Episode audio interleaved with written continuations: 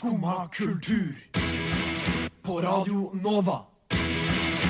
O-la-la-la-la Nova. Vi har fått besøk her i Skumma kultur av Even Haugen fra Tåkeprat. Hei, hei. Hei, hei. Hei. Det kan hende jeg kaller deg Haugen, uh, fordi jeg heter Ja. Melinda Haugen. Ikke sant. Jeg skal, jeg skal prøve å unngå det. For vi er ikke i familie, faktisk. Uh, Stian, du er også med? Jeg er også med. Hei, hei. Hei, hei. Og du er eh, skaper og journalist og eh, programleder for Tåkeprat. Ja, og manusforfatter og Og produsent. og, litt og forskjellig. Eh, Egentlig alt. Ja, rett og slett. Gratulerer med akkurat å ha runda 200 episoder. Takk for det. Har du lyst til å fortelle litt om starten på podkasten? Ja, jeg kan skal jeg, Hvor langt tilbake vil du jeg skal gå? Fordi jeg kan jo starte kanskje for dem med å fortelle litt om mitt forhold til podcasting. da. Gjerne det. Hvis du har lyst til det. jeg vet jo litt om det fra før. Vet det er jo en mm. interessant historie sånn sett. Og gjerne, gjerne del om det òg. Ja. Nei, for jeg ble oppmerksom på podcaster tilbake i 2004, faktisk. Og det begynner jo å bli en liten stund siden. Um, for da kom Apple med denne her iPod Nanoen sin. Og samtidig så slapp de uh, podcast-appen sin i iTunes. Og på den tiden så drev jeg og hørte en del på annet uh, Terence McKenna jeg, på internett. Han var en av de personene som tidlig utmerket seg med prating på internett. Og jeg uh, drev da lastet ned lydfiler fra, fra nettsider og sånn. Um, og syntes det var ganske gøy, men så kom altså den her podcast-appen. Og til å begynne med så var det mye sånn typen lydblogger og litt forskjellig. Men så var det en luring fra USA som heter eh, Lorenzo Haggerty, som eh, startet hva som var den første ordentlige, når jeg store anførselstegn i lufta her, podkasten der ute, som var The Psychedelic Salon. Og ut ifra han så begynte det å vokse fram podcaster både i England, i USA, i Australia, og jeg begynte å følge disse her. Det var en veldig spennende tid for formatet. Det var ingen som helt visste hva de drev med. Um, og så en vakker dag så sier Lorenzo at han hadde hørt en podkast som Han var litt usikker på om han skulle anbefale den, fordi han jeg håper å si hippie, ikke sant. Og han syntes at denne podkasten var litt macho, men han visste at det var mange damer som likte den òg. Og den podkasten, det var Joe Rogan. Og det var veldig, veldig tidlig. Uh, Rogan var på, han hadde ikke kommet til episode 100 engang. Det var litt sånn 50-60. Og så begynte jeg å høre på dette her, da. Og ut ifra han så eksploderte podkast-scenen i hovedsakelig LA, uh, med veldig mange standup-komikere som kom til og startet sine egne. Og så begynte jeg å følge dem, og i USA tok det jo bare helt av. Så satt jeg da i uh, hva, Nå blir det da 2016, slutten av 2016, um, når jeg spilte i band stort sett hele livet. Akkurat da hadde jeg ikke noe band. Så jeg lurte litt på hva skal jeg finne på nå. Og så tenkte jeg jo at uh, det jeg driver mest med, det er å høre på podkast. Og på den tiden så oppdaget jeg en norsk podkast som heter Saltklypa. Som er en skeptikerpodkast. Eller var, jeg tror ikke de holder på lenger. Og så tenkte jeg at jo, det går jo an på norsk òg, men vi er jo et veldig lite land, da. Så jeg tenkte jo, jo, jeg får prøve. Så jeg begynte å tromle sammen to episoder. Men det som interesserte meg mest på den tiden, som var det ene, var eh, Ed og Lorraine Warren og demoner. Og det andre, det var Rudolf Steiner og Steinerbevegelsen. Eh, For på den tiden så hadde jeg snublet over et Steiner-kollektiv, eh, hvor jeg jeg ble litt overrasket over hvordan det var. Jeg visste ikke at uh, steinbevegelsen var såpass okkult da, som den er. Uh, så jeg måtte lage en episode om det. Og til å begynne med så hadde jeg bare en haug med notater. Jeg satt bare og pratet ut ifra de, og så begynte det å bli mer og mer manusbasert. Jeg fant ut at det var det som var uh, min, mitt lodd i livet. Ja. Da er det du som du finner temaet, gjør all research. Jeg har lyst til å snakke litt om den researchfasen. Fordi i podkasten så kan du jo ta opp relativt store, omfattende temaer. Som det må jo kreve enorme mengder med research. Ja, det gjør jo det. Det krever veldig, veldig mye arbeid. Um, Det kommer litt an på temaet. Mange ganger så tar jeg ganske tunge temaer, og så prøver jeg å forenkle dem, sånn at de passer inn i et podkastformat. Og da går jeg til bøker. Jeg bruker veldig mye lite nett i selve researchfasen. Så hvis jeg har et tema, så går jeg ut og ser hva som er skrevet om det, og så velger jeg meg ut de bøkene som virker mest best da, om det temaet. Og så leser jeg de, og så går jeg gjennom de med, gjerne med gulepenn, og så sitter jeg og tenker litt, og så ser jeg hva som, hva som vil passe inn. Og så skriver jeg jo manus. Det er viktig å si her. Og det har også vært en sånn læringskurve for meg. Åssen man lager et manus som passer til en podkast, og det å skrive på en muntlig måte. Det har jeg brukt veldig mye tid på å få til på en god måte. Så jeg ligger Altså jeg holder på å lage en podkast, så ligger jeg på rundt 68 000 ord i uka. Som jeg skriver sånn cirka. Og det er jo, det var en som sa at du sitter og skriver en masteroppgave i uka. Ja. og det, jeg gjør jo det. I tillegg til å ha jobb. Ja, i tillegg til å ha jobb. Og så har jo ikke jeg en sånn lett kontorjobb heller, da. Jeg, jeg er miljøarbeider på en barneskole, så jeg jobber Ja. jo med, med barn med ADHD og sånn. Som er jo litt krevende. Så jeg, jeg lurer på hva jeg driver med noen ganger, altså. Ja ja. Men uh, ja, jeg er fornøyd med det jeg har fått til så langt, da. Går det rundt? Ja, altså podkast Jeg skulle gjerne ha jobbet Levd mer av podkasten, Ja. for å si det sånn. Uh, men jeg er veldig sær på det at jeg, jeg vil helst ikke ha reklame heller. Uh, jeg, jeg kom under moderne media en liten periode, hvor jeg fikk en kontrakt med dem for innsalg av reklame og sånn. Men uh, jeg var ikke så veldig fornøyd med det, fordi da begynte de å legge seg litt opp i åssen jeg gjorde ting. Uh, jeg måtte annet ha en moderne media-podkast stående på forsiden min, og det skar meg litt i hjertet. Altså. Ja, det skjønner jeg. Ja, så jeg måtte si opp den avtalen etter noen måneder. Jeg prøvde meg med én reklame på også, og det var, det var helt grusomt. så det, det fikser jeg ikke. Og det er klart, men da får jeg mindre penger inn nå. Så Ja. nå er det, går det i Patrion, altså folk som har lyst til å bidra. Da, da jeg får inn uh, i hvert fall litt penger der hver måned. Det er veldig bra. For det er jo en del utgifter forbundet med, med en podkastproduksjon nå. Ikke minst tid. Jeg vet ikke hva timelønnen min er, men den, den er ikke mye å skryte av. Uh, og så er det salg av, av T-skjorter og sånn, da. Og så har jeg hatt noen live events som Ja. jeg også får inn litt på. Ja. Og så har du laget deg et studio hjemme nå, har du ikke det? Jo da, uh, jeg flytta litt rundt jeg, mens jeg holdt på med tåkeprat. Uh, når jeg startet, så bodde jeg ute i skauen. Uh, litt utenfor Hønefoss. Jeg bodde virkelig i skauen. Altså, jeg hadde ingen naboer. Jeg kunne fint stå på tomta og skyte med hagle uten at noen klagde på det. Uh, og så var det meg og min uh, daværende kjæreste. Vi gikk fra hverandre og solgte huset. Og så flyttet jeg til en liten leilighet. Da brukte jeg en del penger fra hussalget til å investere i studioutstyr. Og så under pandemien så, så begynte jeg å kjede meg, så da gikk jeg hen og gifta meg. Uh, Som man gjør når man kjeder seg. ja, jeg, ja, det var det minst dramatiske bryllup. Altså, vi, vi, det, vi kunne ikke ha gjester eller noen ting, da, så vi hadde ikke vitner engang. Vi, vi gikk bare til rådhuset, og så fikk vi noen vitner fra kommunen. Altså. Og så kjøpte vi takeaway. Herlig. Det var ganske greit. Uh, nei, Så flytta jeg jo da sammen med henne, og det første jeg gjorde da, det var å pusse opp i studio. Jeg måtte ha studio. Det, så nå har jeg det. Dessverre uten dør, som vi snakket om litt før, uh, før sending her. Ja, det her Siden, eh, eh, fikk ikke jeg med meg. Da var jeg og lagde kaffe. Ja, Ja. Mangler dør i studio. Ja, jeg gjør det. Og så kjøpte jeg jo to fugler. og den kombinasjonen er ikke så bra. Så, så når jeg tar opp podkasten, så sitter min kone og viser filmer fra YouTube til fuglene for å få dem til å være stille.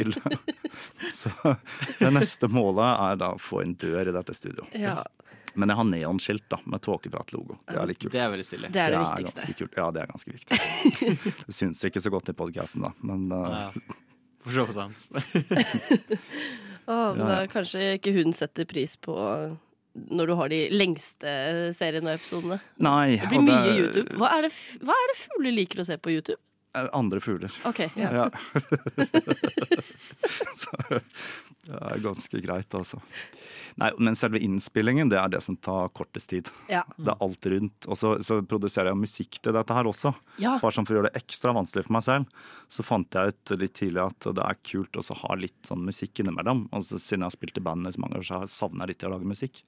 Så jeg har flettet det mer og mer inn i, uh, i podkastproduksjonen. Altså Til å begynne med var det bare liksom en syntlyd her og en syntlyd der, men så etter hvert så har jeg faktisk begynt å lage komposisjoner da, som jeg putter inn som passer til tematikken. Musikken. Eller ikke, da kommer litt an på hvor godt jeg lyktes, da. Men noen ganger så, så føler jeg jeg truffet. Ja, for det har jeg lurt på. For det er flere ganger jeg har hørt på podkasten. Jeg husker Sist nå var det vel eh, med den Marilyn eh, Monroe, ja. Monroe-serien. Og jeg syns den låta var så sjukt kul.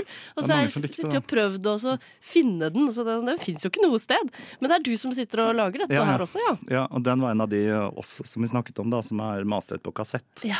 Så den har jeg kjørt gjennom der for å få en litt sånn retro-feeling på den. Ah. Det er veldig kult. Åh, ja, nei, jeg, jeg ønska å finne den låta, men uh... Ja. Nei, Hadde jeg hatt mer tid, så skulle jeg prøvd å få sydd sammen en skive eller noe sånt. uh, med utgangspunkt til det jeg har laget til, uh, til podcasten. Men det, det er bare så mange timer i døgnet. Ja. så, så har jeg plutselig fått familie og sånn. ass. Nå er det Og da masteroppgave samtidig. Så Ja, det- og jobb. Og jobb. Ja, så det er, litt, det er litt mye. Ja, for du har jo også mm, ikke bare musikk til hver episode, men også cover art. Ja, det, for jeg er så veldig glad i, i covera, så det begynte jeg også med tidlig. Bare, men det er egentlig bare fra en illustrasjon, som man har noe å se på da, mens, man, uh, mens man hører på. Lager du de selv også? Ja, altså Det er jo bare bilder. Det er jo ikke jeg som går inn til å fotografere Marilyn Monroe og sånn. da. Hæ? Nei. Hvis du har fått med deg serien, så hun, hun er jo død. Å ja. Ja. sant det. Men, ah, spoiler. um, Nei, men jeg, jeg, jeg prøver å fiske litt til at det, det var vel eh, noen elever av deg som har vært inne og lagd Mm. noen tegninger et Det, par ganger? det stemmer. For jeg hadde to episoder mot slutten av Altså før sommeren. Jeg pleier å ta sommerferie, da. Uh, og da hadde jeg en episode først om svarte enker, altså kvinner som dreper sine menn på ymse vis. Uh, og så hadde jeg en elev i sjuende som var så flink til å tegne. Og så spurte jeg henne da, kan du være så snill og så tegne en svart enke. Se her er et bilde av en svart enke, kan du gjøre det? Så hun gjorde det, da, og så kommer hun med den, og så sier hun til meg at Even, jeg må fortelle deg noe. Jeg er kjemperedd for edderkopper. okay. så, Men da fikk hun lov til å tegne neste episode, da, som var guttastemning, som handler om folkemord. Det er jo den ultimate guttastemningen. Ja, det. er det. Jeg, jeg syns det uttrykket er så teit. Guttastemning. Så jeg tenker liksom det er, ja, det er den ultimate guttastemningen. Åh, jeg synes det er Rett og slett. Godt, hun Ja. syntes ikke det var like skummelt. Nei, det var ikke Det var noen sånne korsfarere som hogg hodet av hverandre og sånn. Det var Ja. greit. Men de edderkoppene, det var mer, mer sketsjy. Å, kjenn meg igjen. Har du en favoritthistorie som du har tatt for deg i Tåkeprat? Ja, det har jeg. Uh, jeg har flere, jeg har flere da. Uh, men den store favoritten det er nok historien om Lene Riefensdahl. Ja. Uh, for den anbefaler jeg alle som liksom uh, Hvor skal jeg begynne hen? Ta så Hør den først. Grunnen til det er det at det er en livshistorie. Jeg tror det er den mest utrolige livshistorien jeg har hørt. Og dette er da dama som er kjent som Hitlers regissør. Og det er alt hun har husket for i ettertiden. Men det var et eh, spektakulært liv, og ja, hvor, mye tid har vi? nå, nå, nå putta det på fem kroner. Uh-oh. Ja. ja. Gi, en, gi en liten tis. eh, hvis, Ja. hvis det er noen som hører på nå og aldri har hørt på Tåkeprat før, så selg de inn med Leni. ja, ok. Nei, fordi hun starter Altså, hun vokser opp i eh, eh, jeg holdt på å si, første verdenskrig, mellomkrigstiden. Og hun har så lyst til å begynne å danse når hun er liten, men faren nekter henne det, da. Uh, Så hun begynner å gå på danseskole i smug. Til slutt så oppdager faren dette her, og så sier han at uh, ok, jeg skal betale danseskole for deg, men du kommer aldri til å klare å tjene penger på dette her. Og så blir hun en stjerne. Hun gjør det kjempebra. Hun uh, koreograferer og lager sine egne danser og begynner å turnere rundt i Europa og gjør det fantastisk. Så skader hun vel ankelen sin, og det er noen som spør henne om uh, har du lyst til å spille i film. Ja, jeg kan prøve på det, sier hun. Så begynner hun å spille litt filmer, og så blir hun filmstjerne. Hun gjør det jo kjempebra. Uh, dama var jo fryktelig pen òg, det må jo sies. Um, så driver hun og spiller filmer, og så en dag så blir regissøren syk. Og så spør noen om hun har lyst til å filme. Så sier ja, jeg kan prøve det. Så begynner hun å filme. Så viser det at hun er kjempeflink til det òg. Så selger hun alt hun eier og har, for hun har skrevet seg filmmanus. Og hun får vennene sine og sånn med på å lage en film som heter Det blå lyset. Og den blir en kjempesuksess. Altså det, det går liksom slag i slag. Den blir kjempepopulær. Og en av de som likte den filmen veldig godt, det var Adolf Hitler. Ja, Så Hitler inviterer henne til seg og spør om hun har lyst til å lage, og filmate, eller lage en dokumentar om disse partimøtene til eh, NSDAP. Og hun takker først nei. Men etter hvert så gikk det ikke an å takke nei til Hitler mer. Uh, så hun forsøker å lage en dokumentarfilm. Men da spenner alle disse her eh, nazipampene henne i beina og sørger for at den første filmen hun lagde, den går det ikke så bra med. Så får hun hjelp av Albert Speer. Og så lager hun det som er Viljens triumf, som vel regnes som første dokumentarfilmen. Hvor hun bruker masse nye teknikker. Hun bruker kameraer som blir heist opp i, i flaggstenger, og det er kjempebra. Filmen er så bra at når uh, det var annet Charlie Chaplin og en regissør som skulle klippe den om for å lage en anti-nazi-propagandafilm, Uansett hvordan de klippet om bildene, så virket det mot sin hensikt. Fordi bildene var så bra. så hun gjorde det kjempebra, men så begynner jo krigen. Den filmen ble laget før krigen, så hun drar til Spania for å lage enda en film. Uh, og så, som kjent, så taper jo nazistene. Etter krigen så blir da hun beskyldt for å drive propaganda for nazistene. Så hun er gjennom alle disse her denazifiseringsdomstolene. Og hun blir frikjent igjen og igjen og igjen, men allikevel så blir alt, alt filmmaterialet hennes og sånn konfiskert. Så har en lang lang sånn eh, rettskamp med dette. her. Til slutt blir hun altså lei, så hun drar ned til Afrika og til Sudan, hvor hun kommer over Nuba-folket, som er sånn stammefolk som har levd på en sånn måte de har levd i mange tusen år. da. Så hun klarer å bli venner med de, og så begynner hun å ta bilder av de. Og, og så tar hun og lager to fotobøker uh, som gjør det veldig bra. Og etter hun har holdt på med dette her i noen år, når dama er 73 år, så tar hun dykkesertifikat etter å ha ljuget om alderen sin. Fordi hun var for gammel. Og så blir hun undervannsfotograf.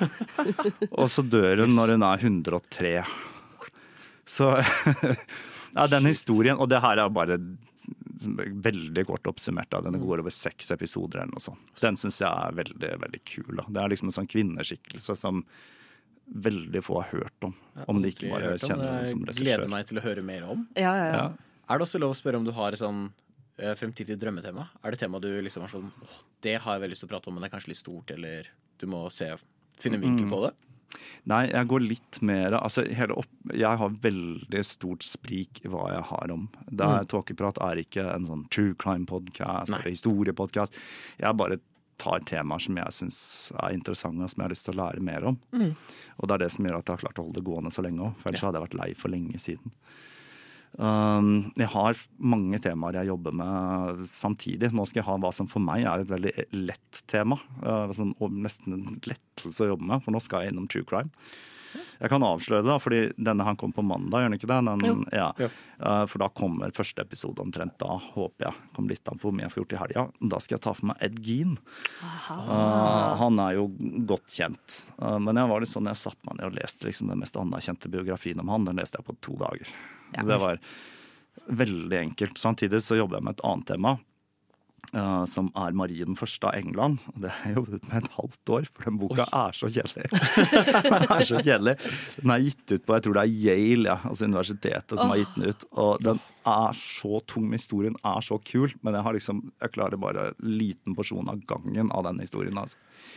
Så da blir det bra når den episoden kommer ut, da, for da kan man heller høre på Tåkeprat istedenfor å lese den Ja, kjenneboka. og jeg har noen episoder jeg faktisk sier det at for guds skyld ikke les disse bøkene. for, dette er, kjedelig, altså. Jeg tror det verste var når jeg hadde om eh, Maria Orsik. Det var helt grusomt. Fikk jeg, for Noen ganger så får jeg ønsker fra lyttere da, som kommer med tips. og, Ja. og sånn. Og da har jeg funnet, funnet masse gode historier på det. Men det var en som hadde så lyst til å høre om Maria Orsik, og det var en dame jeg selv hadde hørt om så vidt. Uh, Så jeg gikk til anskaffelse av litteratur om henne. Og hun var da visstnok en dame som ledet et samfunn i Tyskland som het Friel-samfunnet. Som kanaliserte romvesener fra Aldebaran. Og de kanaliserte tegninger av ufo til henne, som etter hvert nazistene fikk tak i. Og det gjorde jo da at uh, Hitler kunne flykte og sånn fra Berlin. Men uh, denne historien er bare tullball fra en til annen, antageligvis. Og jeg leste to bøker. To bøker om dette her. Det skal jeg aldri gjøre igjen. De bøkene var så dårlige at jeg var åh, Skrekk og gru. Så uff, nei, jeg savner jeg, Mange ganger jeg sitter og savner det å lese skjønnlitteratur, altså. Ja. For det blir, det blir en del kjedelige bøker. Hvordan klarer du å få de kjedelige bøkene til å bli så spennende fortellinger? Nei, det er ved å komprimere dem og så bruke litt fortellerteknikk. Um, og litt manusbearbeidelse. Jeg kan jo kanskje si det da, i forhold til uh, det med å skrive manus. Uh, så har jeg, det har jeg brukt mye tid å, å tenke på. Så har jeg to favorittforfattere, som er uh, Howard Phillips Lovecraft, som jeg har en serie om, og også Stephen King. Uh, og de er veldig gode eksempler, for de hadde helt forskjellige måter å lage manus på. Eller manus, ja. Skrive på. Nei, ja. Uh, Lovecraft han var sånn at han mente at han måtte sitte og vente på musen. Han måtte vente til ideen kom, og så skrev han. Og det gjorde jo at han, det var mange år hvor han ikke produserte noe som helst. Mens uh, Stephen King, uh, en toppanbefaling av en bok som bør leses, og det er On Writing, er kjempebra om, om skriveprosessen og som om livet hans. Uh, en sterk anbefaling fra meg. Der skriver han det at du må sette deg ned og jobbe. Du må bare bestemme deg. Nå skal jeg jobbe. Og det er liksom den teknikken jeg har lagt meg på, da. Ikke Lovecraft sin. Um, og så bruker hans teknikk for uh, revisjon av manus. Jeg bare har komprimert det til podcast-versjonen.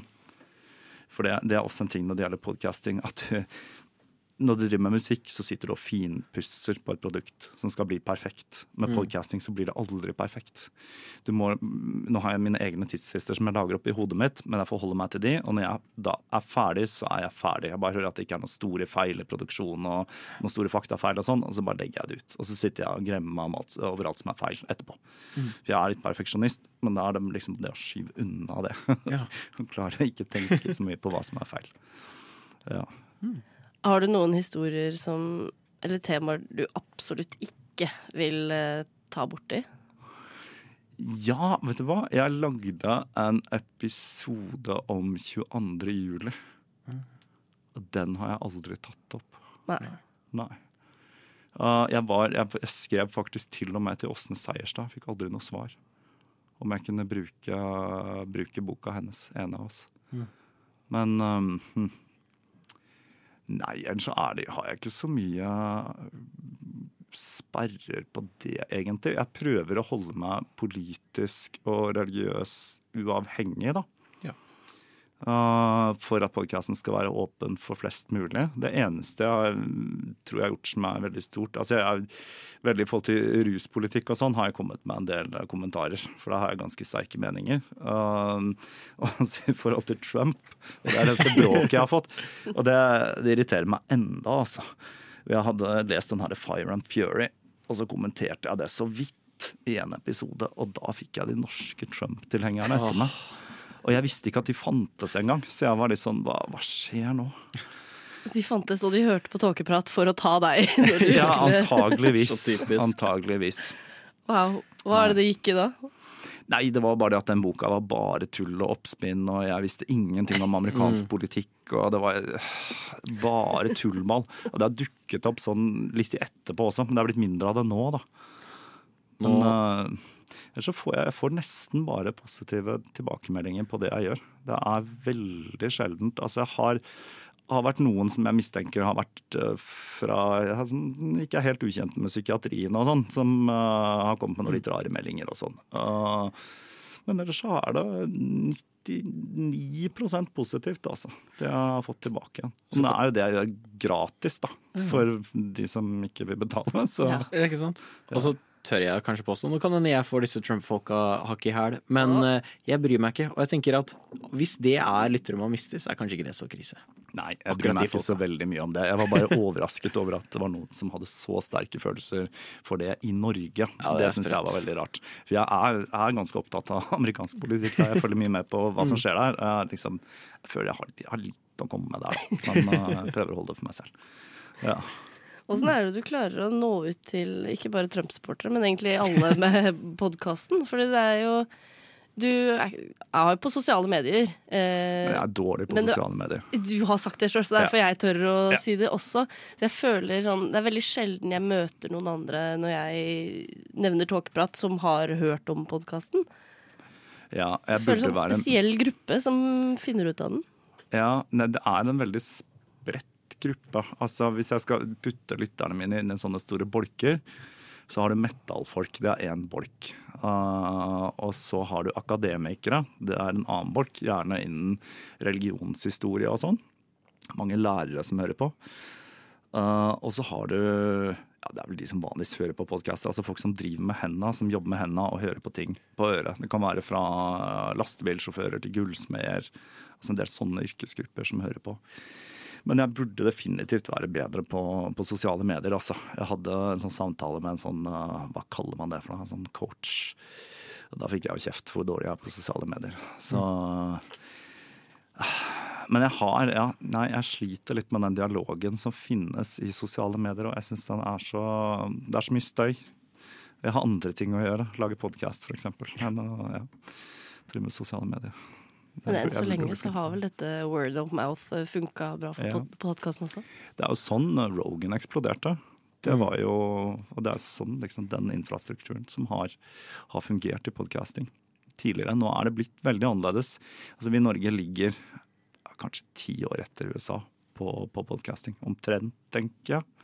Ja, fordi på et tidspunkt så ble jo altså podcastmarkedet i USA det ble så metta at det var, alle hadde podcaster. Det dukka opp så mye rart og så mye dårlig. Og, og sånn er det i, Norge også. Det dukker opp stadig vekk podcaster som, som kopierer min også. Uh, det skjer fra tid til annen. Uten å nevne noen navn, men jeg, ser, jeg, legger, jeg legger merke til det. men de forsvinner ofte ganske fort. Uh, og det gjelder ganske mange nye podcaster som blir borte fort. Og NRK har jo akkurat hatt en stor satsing på, på nye podcaster. Uh, det vet jeg fordi jeg søkte faktisk jobb uh, som podcaster i NRK. Kom ikke på intervju engang, vet du. Det er skuffende. Hva er det de vil ha, da? Nei, det er det jeg har sittet og tenkt på. Hva, ok, dere vil ikke ha meg, men jeg har jo sett at de eh, henvender seg nok litt mer til eh, Gen Z, for Ja. å si det på en uh, ben måte. Uten å peke så mye. det blir, eh, det syns jeg er litt feigt av NRK, da. De, de, jeg, er, jeg er veldig glad i NRK, så jeg syns de eh, kunne kanskje satse litt mer på bredde. Litt mer dypdykk enn Ja. det de har gjort. Ja. Har du noe du har tenkt på, Stian? Nei, jeg føler jeg har lært masse. Jeg Ja. gleder meg til å høre episoden om kvinnen som har gjort alt. Ja. Jeg har, har, ja, jeg har en episode, eller en serie til jeg syns er veldig kul. da. Ja. Hvis jeg, altså jeg kan prate lenge, altså.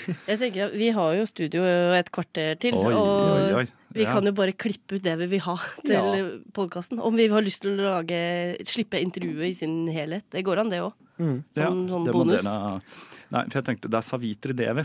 Hun er en dame som jeg Jeg har mye sånne rare kvinneskikkelser jeg, i Takprat. Jeg er litt glad i sånn Fordi det er ofte ikke snakk altså, Kvinner forsvinner ofte litt ut i historien, mens man begynner å grave litt i det, så er det mye spennende. Mm.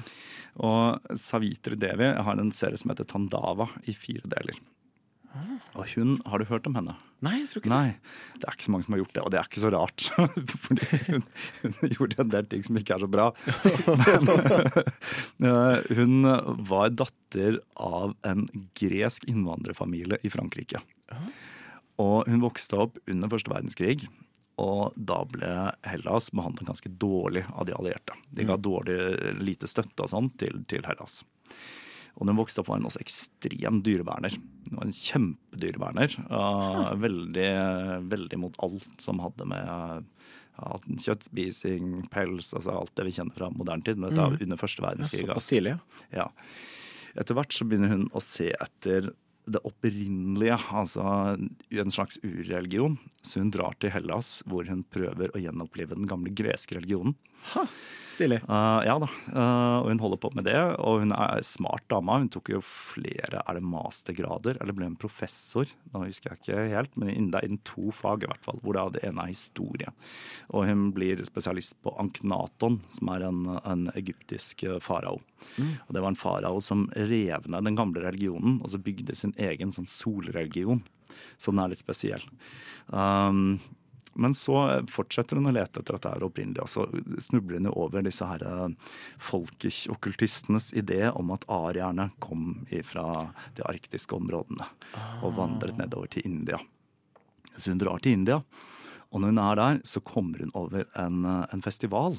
Og på den festivalen så ser hun at de har en, en sånn eh, Hva kaller man? En flå, flåte, ikke en sånn parade. Kortesje, er Ja, kanskje ja. ordet. Ja, hvor, du, hvor det er to figurer av to mennesker som er veldig lyse i huden. og alle de som tilber disse figurene, er mørke i huden. Og da tenker hun her har vi sporet etter arerne. Så hun, hun begynner da å sy sammen en ny religiøs retning som er en blanding av ja, det, det er basert på hinduisme.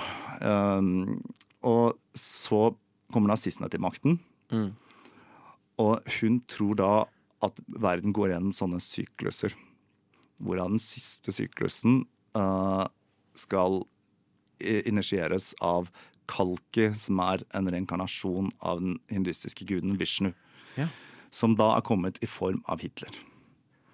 Ah, Så hun tror at Hitler basically er en gud som skal frelse verden med vold. Så hun, hun prøver jo da å reise til Tyskland. Uh, hun kommer seg aldri dit fordi det er krig. Og etter krigen så drar hun uh, opp til Tyskland, og da møter hun masse av de nazistene. Og de, de har opplevd ganske mye fæle ting da at russerne tok, uh, tok Tyskland. Og dette bare underbygger all hennes tro på at Hitler var guddommelig. Så senere så Hun skriver en del bøker. Hun har annet en bok som heter 'Lightning and the Sun'. og Den vil jeg ikke anbefale. eh, Bort, jeg vil anbefale å lese den, men ikke å kjøpe den. Fordi jeg kjøpte den, Yeah. og jeg kjøpte den på Amazon. Så jeg bare, Wow, er den her? Det var etter jeg hadde laget serien, da. Ja. Det var rart. ok, Men da da kjøper jeg den. Det var liksom sånn bilde av bare hun på forsiden, med sånn, sånn Evita-aktig bilde av henne. da. Ja. Og så får jeg boka i hånda, og så ser jeg at øredobben hennes er et stort svastika. Og så åpner jeg boka, og da ser jeg at kapitlene er atskilt med svastikaer. Og, og så så jeg at jeg kanskje burde sett litt nærmere på hvilket forlag som hadde gitt ut dette her, da. Eh, men hun, hun, eh, hun holdt koken da med denne religionen sin. Hun var med å starte nynazismen i England etterpå. Ah. Ja, til slutt så tar hun litt av, da, så blir hun med i noen sånn uh, holocaust-fornekte konspirasjoner og sånn. Men hun er liksom på en litt sånn annen planet. Altså, hun er det- opphavskvinnen til hitlerisme. Ha. Det er også en ganske fascinerende historie. Ja, hun gikk fullt ut, du. Ja, hun tok den så til de grader. Og hun er, når du leser historiene, for hun er og møter disse her uh, nynazistene, og det er, liksom, det er ikke så populært å, å, å gå rundt med hakekors og sånn etter krigen i England. Nei. Det var ikke alle som syntes det var så greit, men hun hadde ikke noe imot det. Nei. Så hun dukker opp da på disse her nynazisttreffene hvor de liksom skal være litt i skjult og sånn, med naziflagg, og det er helt ja, altså Det er fascinerende, fascinerende historie. Ja, det, Ja, den boka er ganske morsom å lese, fordi den minner litt om Robert E. Howard, han som har skrevet 'Konaen', vet du, som jeg også har en episode om. Hun skriver litt på samme måte. Sånn kjempesvulstig og voldsomt. Yes. Det, er, det er litt artig.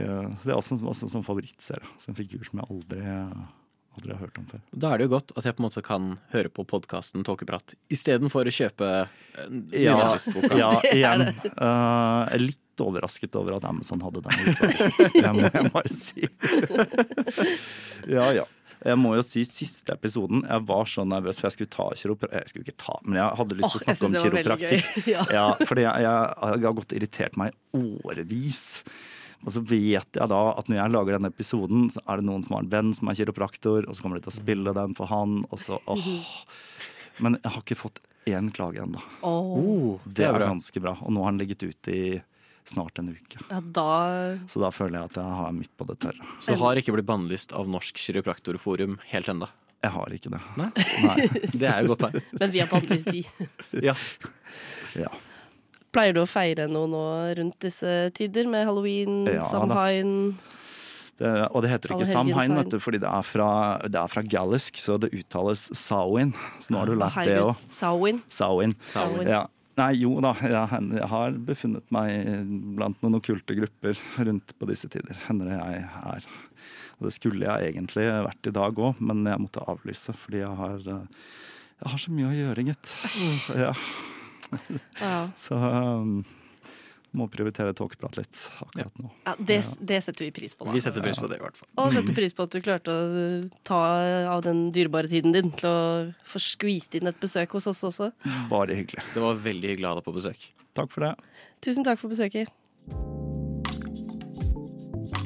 Du har nå hørt på en podkast av Skumma kultur. På Radio Nova.